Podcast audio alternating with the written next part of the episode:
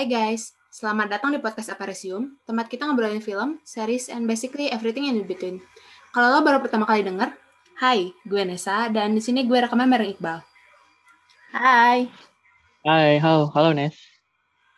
Ini suaranya jernih banget loh. Uh, punya gua. Iya. Tumben, apa emang biasanya kayak gini? Nah, biasanya Tumben berarti suara ya? kecil. oh ya? Ini padahal masih pakai alat seadanya. sih. Maksudnya pakai earphone doang sama handphone. Nggak, maksudnya belum pakai clip on, tapi katanya suaranya udah lebih baik. Ya udah, bagus deh. Mungkin sinyalnya juga, sinyalnya mungkin lagi bagus. Mungkin. Mungkin. Ya, siapa tahu. Tapi beneran ya, lebih bagus nih. Yuk, kita mulai. Oh. Apa nih? Eh, ka- minggu kemarin kita tuh bahas bahas Jack Snyder kan, Snyder Cut. Terus kita ke- minggu kemarin nggak ngomongin soal rekaman film yang biasanya tiap minggu kita omongin. Nah mungkin eh, karena minggu sekarang pun juga nggak ada berita wow yang bisa dibawain ya. Jadi kita mau ngomongin recent update aja. Eh, beberapa mungkin dua minggu dua minggu ke belakang sebenarnya ada apa aja sih di industri film lu nangkep berita apa aja selama dua minggu ini Eh, mungkin yang terbaru ini kali ya. Eh, apa sih? Black Widow. Katanya mau Mhm. tayang di Disney Plus pakai premium access. Hmm, tapi tapi berbarengan sama itu ya eh, bioskop eh kemungkinan besarnya sih kalau di sini kayaknya premium access doang. Jadi kalau di Amerika ya di bioskop. Kalau di sini belum belum ada itu ya kepastian ya Ya.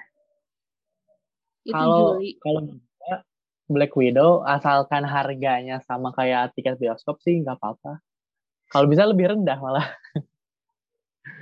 Masalahnya kalau harga premiumnya tuh kan kalau kayak Mulan gitu ya. 30 dolar Iya. itu mahal banget. iya makanya kalau orang Indonesia kayaknya tahu deh bakal larinya ke mana iya nggak sih Tapi ya mudah-mudahan sih pas apa ya kebijakan Warner Bros ada yang ditiru Disney yaitu berbarengan aja film rilis di eh, streaming sama di bioskop. Mudah-mudahan sih tayang di bioskop soalnya belum ada yang ngalahin sih streaming itu sensasinya nonton film di streaming sama di bioskop. Kebayang gak sih kalau nonton Godzilla Kong kemarin nontonnya cuma di HP atau di laptop doang ya? Beda beda beda tidak tidak. Black Widow aja ya kita lah nunggu kabar aja lah ya mungkin di Indonesia kira-kiranya bakal ada kemungkinan tayang di Indonesia di bioskopnya atau berarti cuma di Disney Plus doang ya belum ada info ke situ lagi kan ya Belum. selain itu ada apa lagi nih Eh, Luka, Luka yang series yang tahu nggak? Series yang mirip sama Call Me by Your Name gitu. Luka bukan yang series, dari sorry. Maksudnya eh, film animasi. kan iya animasi ternyata setelah gua tonton trailernya beda banget nih sama Name. mungkin Mirip, cuma cuy. latar tempatnya doang yang sama dari Italia sih Iya, kayaknya ceritanya beda beda jauh deh si orang dua orang itunya juga, dua orang cowoknya juga mirip. Iya, tapi ceritanya kalau dilihat di trailer ya, tapi nggak tahu nanti gimana filmnya. Kayaknya beda jauh sih. Iya sih. Soalnya kan Soalnya ini itu kan ada fantasi, fantasinya Animasi. juga. Namanya Nah, juga dan animasi ada kan pasti buat ceritanya lebih ke anak-anak kali ya. Jadi ya, semua jauh umur. Animasi pasti nargetin pasarnya pasti semua umur sih. Kalau misalnya Pixar ngambil yang terlalu rawan, genrenya mungkin nggak nggak bakal ada pasarnya. Luka sih ceritanya bak- bakalan unik ya itu eh, manusia bukan manusia juga sih maksudnya ya diceritain manusia yang bisa berubah jadi setengah ikan mungkin ya. Makanya gue kenapa bilang beda lihat dari trailernya sih kayak gitu. Kalau Me By Your Name hmm, gitu deh. Ah, dasar haternya. Enggak, bukan hater, enggak suka, bukan hater. Ayolah, objektif, objektif. Ada lagi nggak? Nes?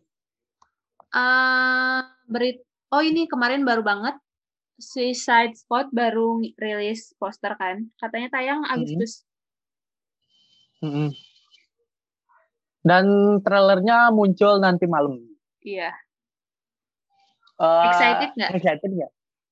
Gue sih karena mungkin karena yang bikin James Gunn ya mau nggak mau ya pasti gue tonton terus karakternya sebenarnya gue tahu cuman Harley Quinn doang ya maksudnya nggak terlalu banyak karakternya apalagi kan ada Hugh juga ada John Cena tuh jadi apa dia katanya dia jadi versi komedinya Captain America tapi nggak tahu sih karakter karakternya yang pasti kalau misalnya tayang apalagi yang bioskop pasti gue tonton Oke. kalau lu Karena kelihatannya sih asik ya. Jadi pasti Mm-mm. tonton sih. dan rednya R ah itu red gue banget sih pasti lihat adegan berdarah-darah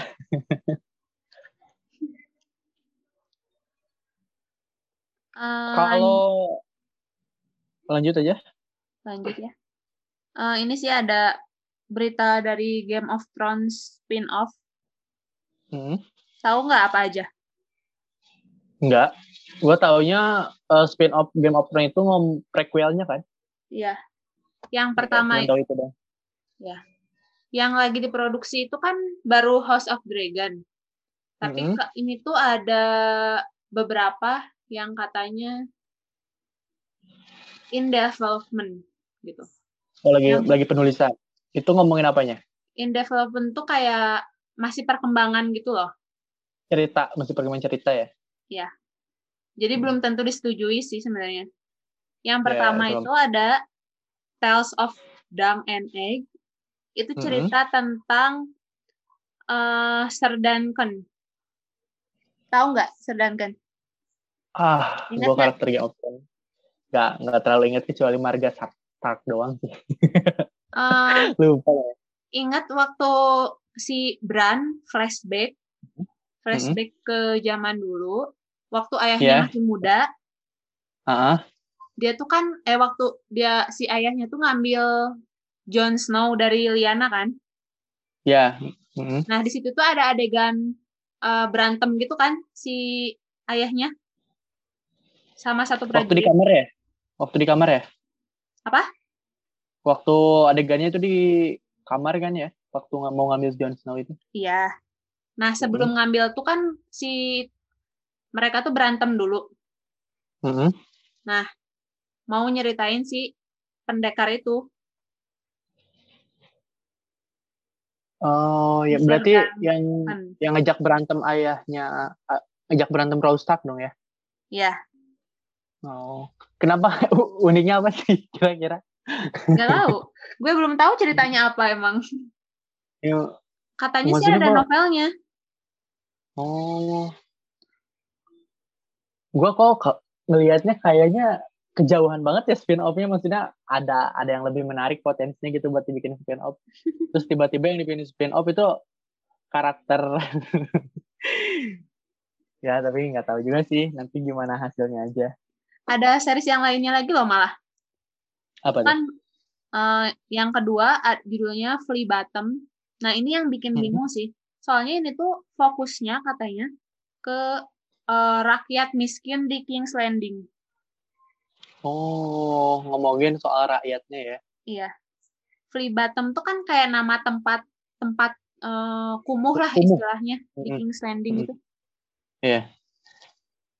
katanya kalau ceritanya fokus ke kalau kalau ini sih menurut gue ya lebih lebih menarik aja kalau buat gue ya soalnya King's Landing King's Landing ini kan satu tempat yang mengadopsi kerajaan ya yang pasti pasti ada tempat dalam satu kerajaan itu yang tempatnya itu kumuh banget kan tempat orang-orang miskin lah eh, kasarnya.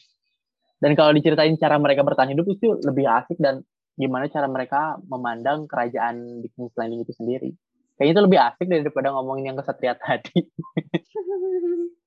Kalau gua ya tapi nggak nggak itu juga udah lama sih nggak nonton Game of Thrones kan nggak mungkin sekarang sekarang gue lebih excited sama yang ketiga sih ini. Judulnya Apa? yang ketiga judulnya eh, Ten Thou- Ten Thousand Ships. Sepuluh ribu kapal gitu. Itu Mau mungkin? tentang uh, Princess Nameria. Uh, Mm-mm. Itu kan Princess Nameria tuh keturunan House of Dragon kan, Uh, dari Essos ke Dorne. Mm-mm. Di sana tuh kayak uh, si princessnya tuh kayak gimana ya? Uh, kayak nggak diterima gitu sama warga Dro- Dorne. Akhirnya uh, dia tuh kayak nikah sama ya salah satu pangeran Dorne gitulah. Jadi nyeritain kehebatan si Princess Nameria ini. Gue lebih excited sama ini sih. Soalnya ini kan sampai uh, si gara-gara saking hebatnya si Arya namain uh, direwolf-nya kan Nymeria. Ya. Di balik nama itu tuh sebenarnya ada apa ya? Ceritanya Mm-mm. gitu. Kayaknya ini semuanya series atau film? Series. Series. Kayaknya yang ketiga lebih ribet. Cocok banget sama Game of Thrones.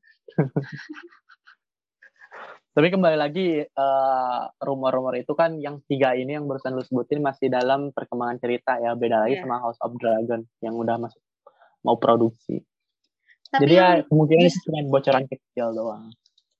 justru yang dipengenin sama fans tuh Robert Ba- Rebellion. Kenapa tuh? Robert Rebellion yang mana ya? Pemberon cerita pemberontakan si Robert. Hmm. eh pokoknya si klan Baratheon, terus klan Stark, Ya. eh Lannister kayak gitu kan. Pokoknya Mm-mm. kayak ngambil tahta dari si kerajaan Targaryen gitu. Oh, yang Targaryen itu kerajaan sebelumnya kan ya? Mereka pe- penguasa sebelumnya Iya, di King's Landing. Targaryen tuh kan House of Dragon. Marga Naga, Naga lah. Marga Naga. Marga Naga. Eh, yang ngomongin soal penggulingan tahta juga kan itu dari Targaryen ke Lannister dan Stark dan yang lainnya kan. Iya. Itu juga juga ada rumornya. Ceritain, nyeritain itu. Eh, ini ini masih discuss dan fans tuh soalnya fans ba- pengen banget ini bakal muncul gitu loh. Daripada Flea Oh. Bottom coba Flea Bottom atau Tales of Dung itu kan ya itulah. Ini kan lebih menarik gitu. Lebih Hmm. familiar gitu karakternya. Iya, iya. Si Robert kan ya maksudnya masih ada di karakter Game of Thrones gitu, nggak jauh beda umurnya. Kalau Mm-mm. yang lain kan katanya ceritanya berapa Baru. puluh tahun sebelum Game of Ya, Thrones pasti. terjadi gitu. Pasti karakter karakternya pasti baru-baru kan. Iya. nggak ada yang ditampilin lagi. Um, Game of Thrones sih, gua mah cuma nunggu doang ya, nggak bisa ngarepin apa-apa. Soalnya ngikutin kemarin berapa season aja udah pusing gitu loh. Sekarang ngomongin teori-teori soal rumor yang bakal dibuat seperti apa selanjutannya, ya pasrah aja lah gimana nanti hasil jadinya gitu. Ada lagi yang masuk ke catatan lu nih soal berita dari film? Eh, ini juga katanya baru banget diberitain. Padahal seriesnya belum ada kan. Eh, tapi mau ada spin-off-nya Hawkeye. Spin-off tuh Oh iya, Jadi fokusnya bukan ke si Hawkeye-nya gitu loh. ke Stanfield. Ke siapa? Ellie Stanfield tuh jadi siapa? Gue lupa. Kate Bishop. Ah, Stanfield apa mainnya jadi Kate Bishop. Gak tahu ini Ah. spin-off-nya belum belum tahu ceritanya tentang apa. Tapi penulisnya si eh, penulis Promising Young Woman Emerald Fennell. Oh, itu eh ntar ya. Gue koreksi takutnya ini nggak tahu gue yang salah atau lu info dapat yang salah. Yang bikin Promising Young Woman itu kan Emerald Fennell ya, sutradaranya. Nah, kalau nggak salah, eh dia itu direncanain buat nulis skenario-nya karakter DC loh. Bukan Karakter siapa? dari eh, dari maksudnya dari universe DC bukan dari Hawkeye apalagi dari Marvel. Oh iya, Ya, dia itu digadang bakal nulis skenario eh, superhero Nama superhero-nya itu Zatanna. Oh dia iya, bakal iya. jadi film superhero Iya, sempat kedua dengar juga. setelah Wonder Woman. Nah, gue kalau gue taunya itu, makanya kalau misalnya ini bener eh, dan kebetulan sama ya ngomongin soal karakter superhero perempuan, ini nggak tahu yang mana yang bener nih. Soalnya, soalnya di gue juga ada nih kalau si Emerald Panel ini bakal nulis skenario-nya Jatana. Tapi kalau misalnya eh, dia nulis spin-off dari Hawkeye, gue nggak tahu. Oke. Nanti kita cari lagi infonya. Iya, Kalau di Indonesia kayaknya gue eh, cukup penasaran sama studio Antelope.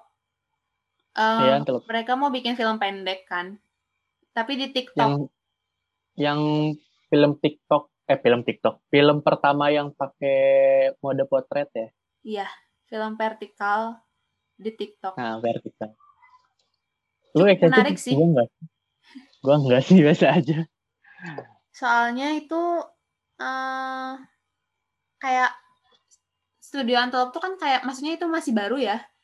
Tapi Mm-mm. berani ngambil jalur-jalur yang kekinian gitu. ya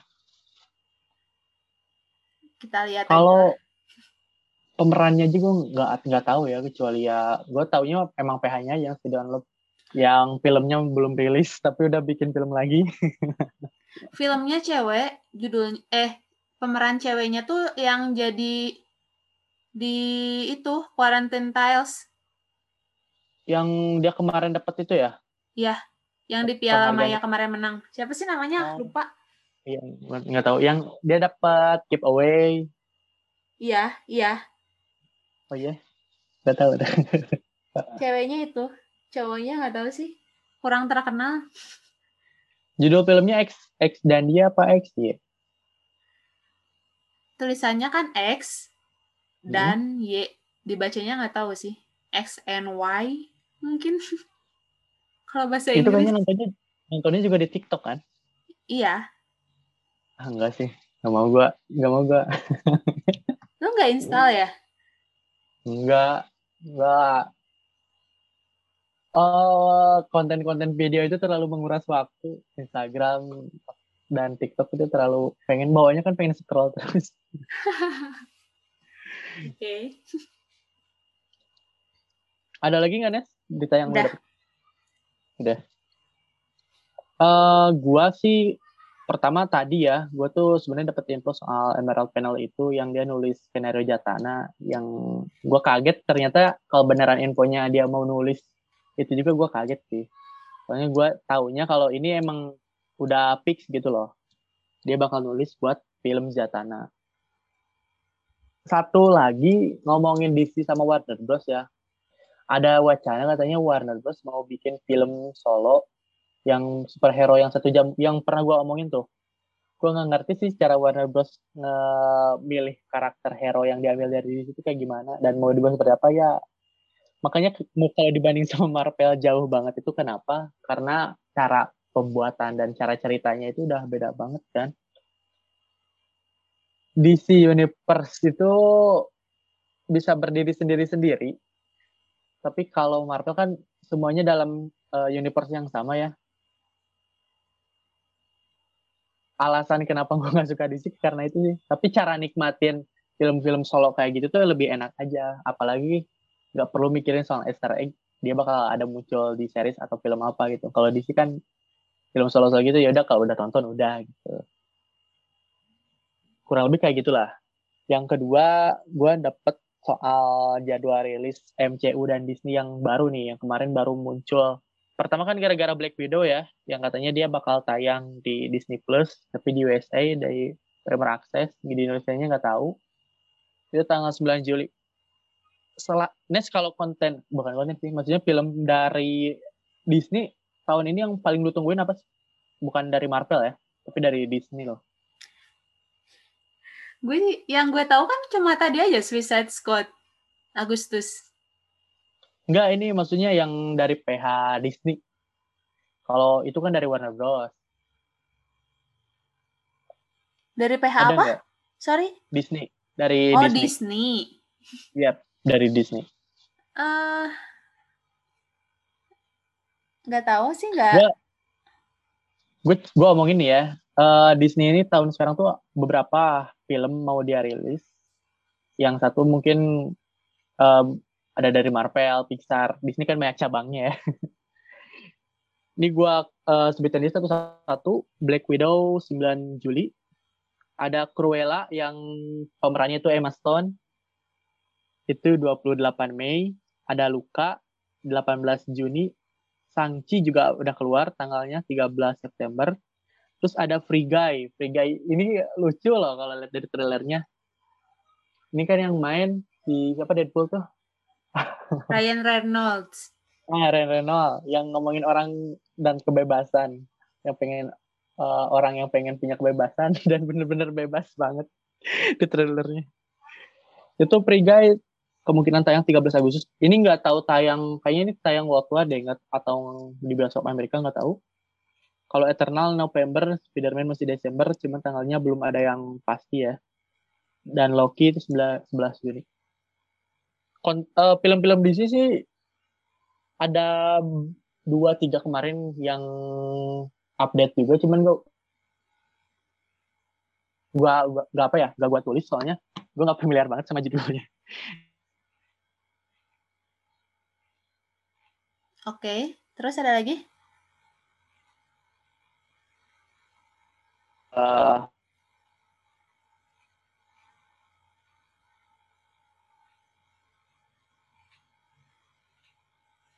Halo.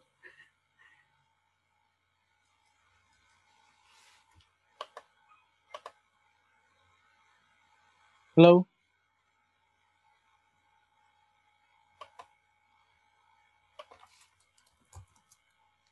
Tes, tes, tes. Yep. Kenapa tadi berhenti? Kenapa? Hmm, nggak. Perasaan gua ngomong deh, tapi ber- di, kalau di gua sih normal, nggak berhenti. Oke, ya udah lanjut. Satu lagi berita eh yang katanya hari ini baru mau launching itu ada Lionsgate Play yang kerjasama sama Maxstream. Apaan tuh? Lionsgate Play itu kayak Disney Plus Hotstar, kayak Netflix, yang film-film yang dikeluarin sama Lionsgate yang bisa diakses lewat eh, streaming. Oh, Mungkin kita bisa nonton kayak The Hunger Game kayak gitu kan. Cuman Iya, ini makin eh, banyak aja. makanya. Dan ini kerjasamanya sama Maxstream ya. Telkomsel lagi, Telkomsel lagi, Telkomsel hampir memonopoli semua streaming yang masuk ke Indonesia ya. Gak apa sih, bagus lah. Bagus lah. Cuman eh, yang pasti bakal beda-beda paketnya sih. Kalau misalnya ada yang keseluruhan itu lebih bagus, tapi kayaknya bakal lebih mahal. Di Maxstream aja lu pakai Telkomsel nggak? Enggak ya? Pakai. Nah di Telkomsel di Maxstream aja udah ada HBO Go kan, terus ada ini ditambah ada Lionsgate Play, terus film-film dari Maxstream original juga ada kan.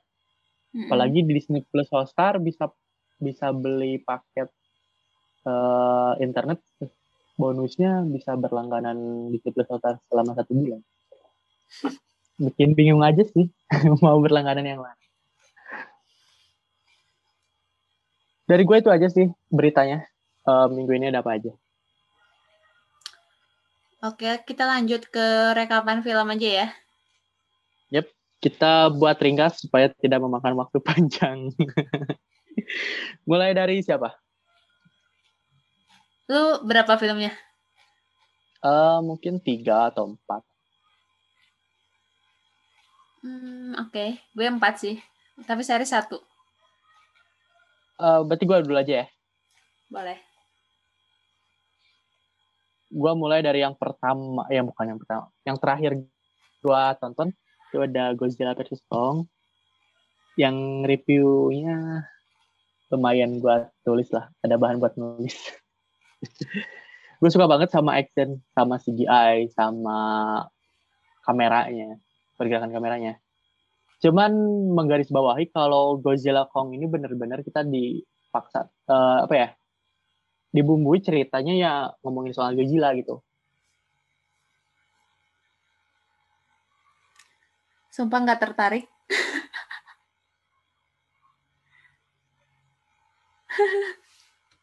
di Godzilla semua aja. Di film ini juga sama. Jadi kalau lu nyarinya soal permasalahan manusia, ya bukan inilah tontonannya. Malah gue kaget ada yang ngasih nilai 6 di Twitter. gue ngasih nilai 4,5 per 5 ya. Selanjutnya ada dua film yang kayaknya gue telat nonton deh. Itu Piece of Woman sama Promising Young Woman.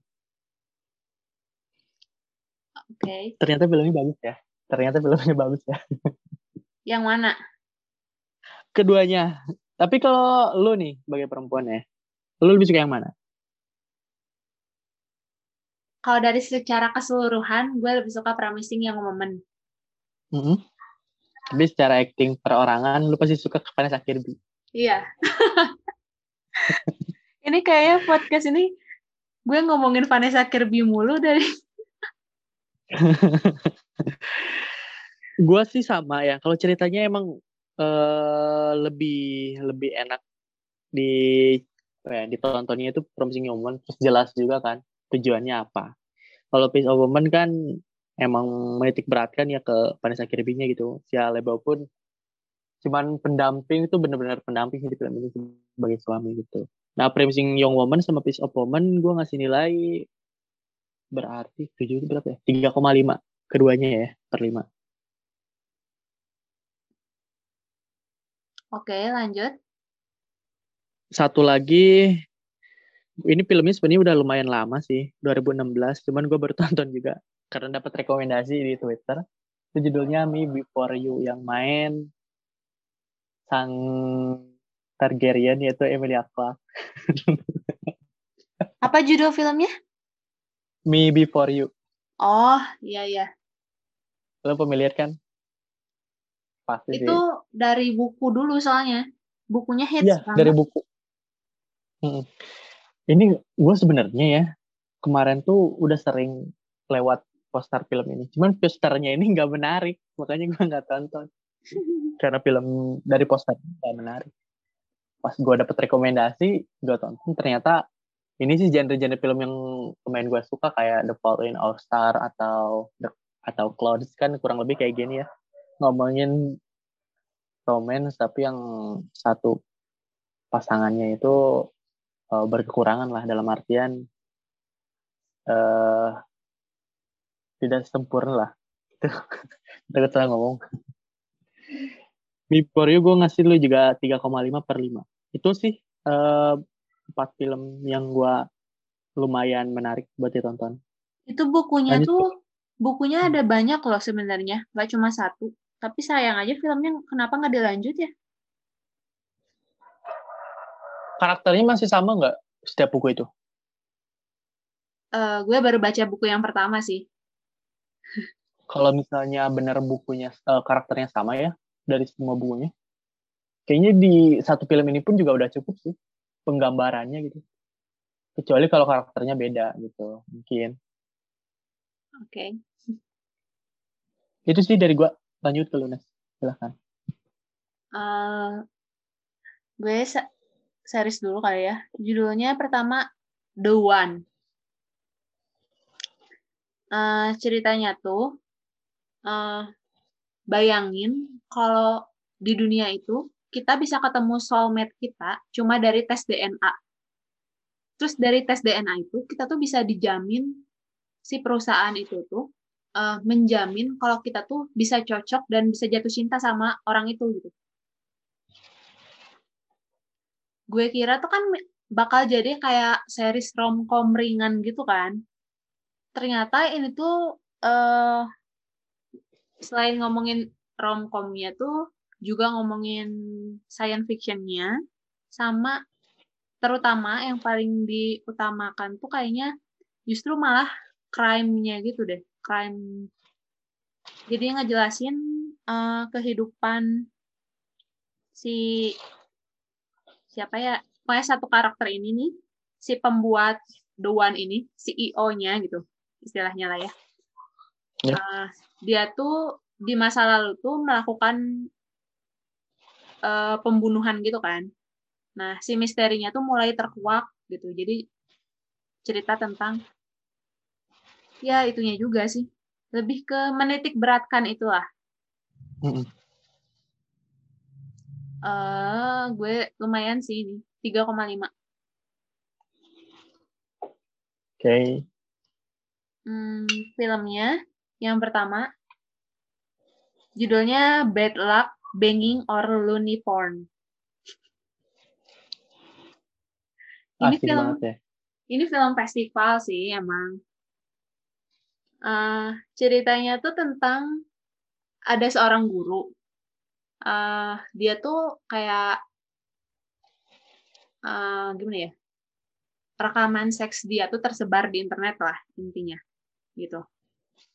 Terus eh, orang tua tuh nggak mau dia jadi guru lagi, gitu. Kan ini tuh ini filmnya aneh sih emang dibagi tiga babak gitu. Babak pertama nyeritain uh, kehidupan dia setelah videonya tersebar. Terus babak kedua tuh, babak kedua ini aneh banget.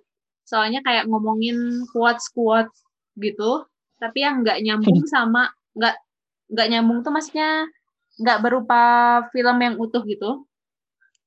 Terus babak ketiganya baru uh, waktu dia di semacam disidang lah sama orang tua kayak ngomongin Mhm. moral kayak gitu ngomongin Mhm. tentang feminisme pasti ya terus yang bikin kocaknya tuh anehnya tuh muncul semacam Wonder Woman gitu di akhirnya Ini aneh banget. Lu kenapa lu suka sih? emang aneh ini semua Tapi kok masuk ke itu ya? Eh ini tuh emang bukan film buat semua orang sih tapi gue suka banget gue kasih nilai 4 per 5 Alasannya kenapa suka? karena selain itu ngomongin feminisme ya Yep. kemunculan Wonder Woman-nya tuh tak terduga banget Siapa yang kepikiran Wonder Woman bakal muncul? iya makanya. Ya, ternyata lu suka juga film absurd ya? ya lu kan dari rekapan sebelum-sebelumnya juga kita sering bahas Itu Palm Spring kurang absurd apa nih?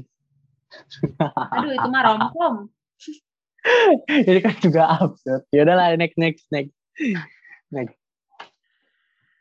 Eh, film kedua judulnya Tomboy ini udah lama sih 2011 tapi karena Indonesia.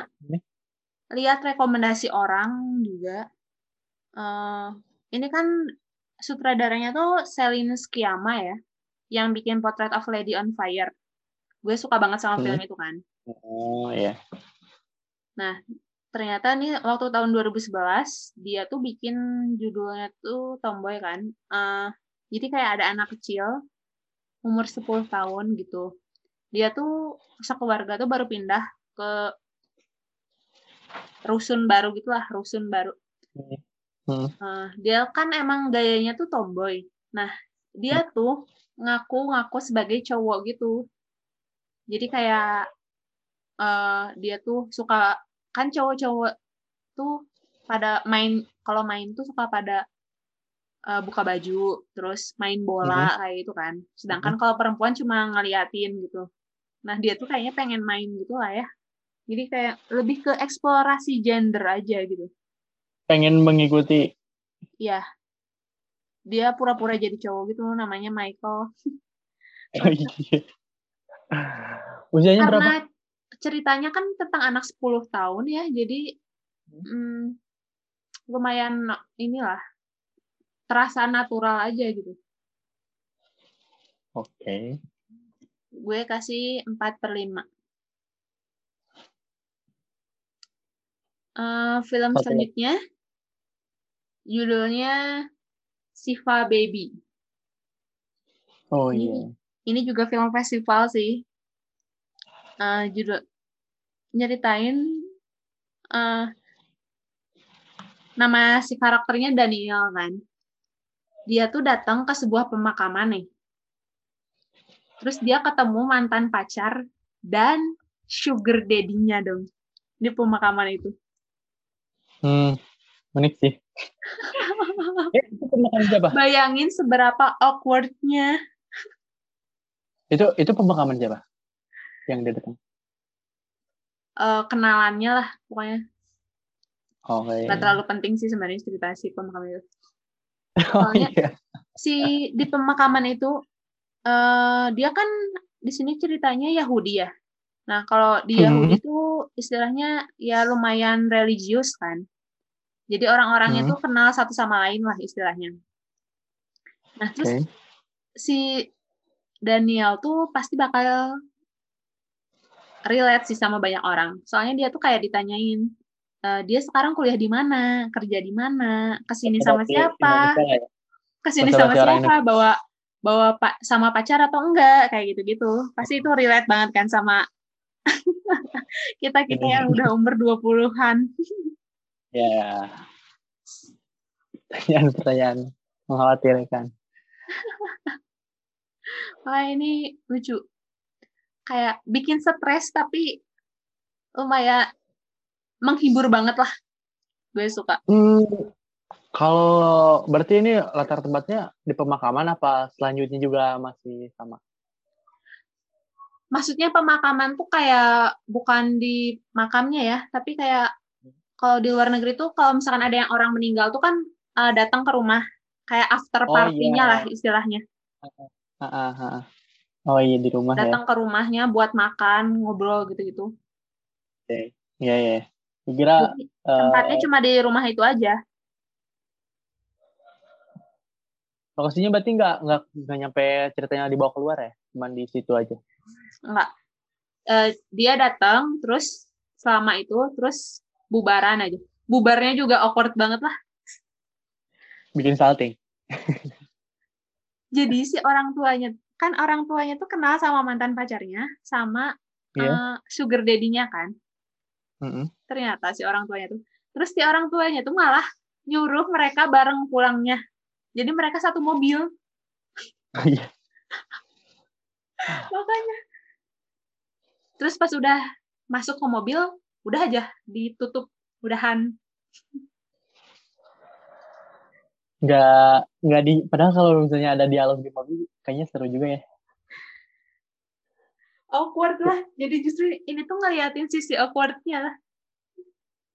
Tapi nggak mungkin ada dialog juga sih di dalam mobil.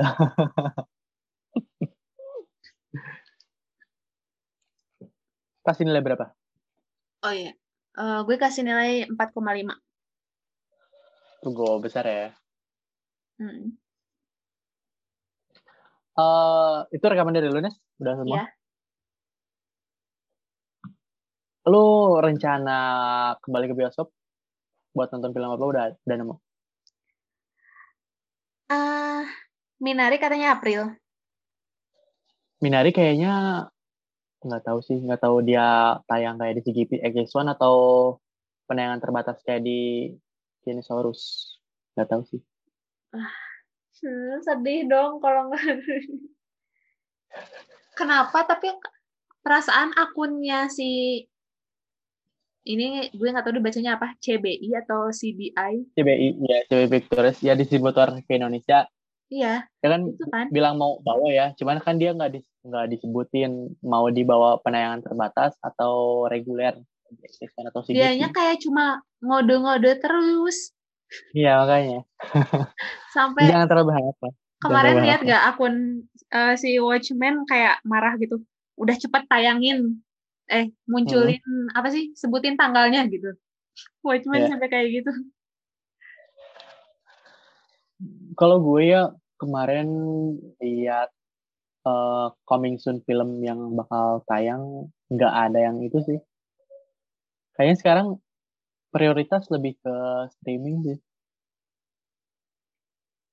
Cuma mungkin beberapa film kayak Godzilla vs Kong atau nanti ada Mortal Kombat. Kayaknya tuh nggak mungkin ditonton di streaming sensasinya bakal beda sayang banget kalau film-film kayak gitu ditontonnya lewat streaming Film kayak Tersanjung aja itu kan bakal jadinya masuk Netflix. tersanjung yang mana ya Yang diangkat dari sinetron gitu. Tapi jadi cerita baru gitu lah di sini. Benar-benar baru. Cuman premisnya doang aja yang sama. Oh kayak persahabatan bagai kepompong gitu ya angkat dari Ya. sinetron oke Indonesia mah ya udahlah lu nunggu KKN aja cukup kali ya buat sekarang Oke. Selamat menunaikan ibadah The Falcon and the Winter Soldiers ya. oh iya tiga berapa 13 menit lagi Udah tayang katanya. Oh langsung meluncur Oke. Thank you for listening. Gue Nesa pamit. Gue juga pamit Bye. bye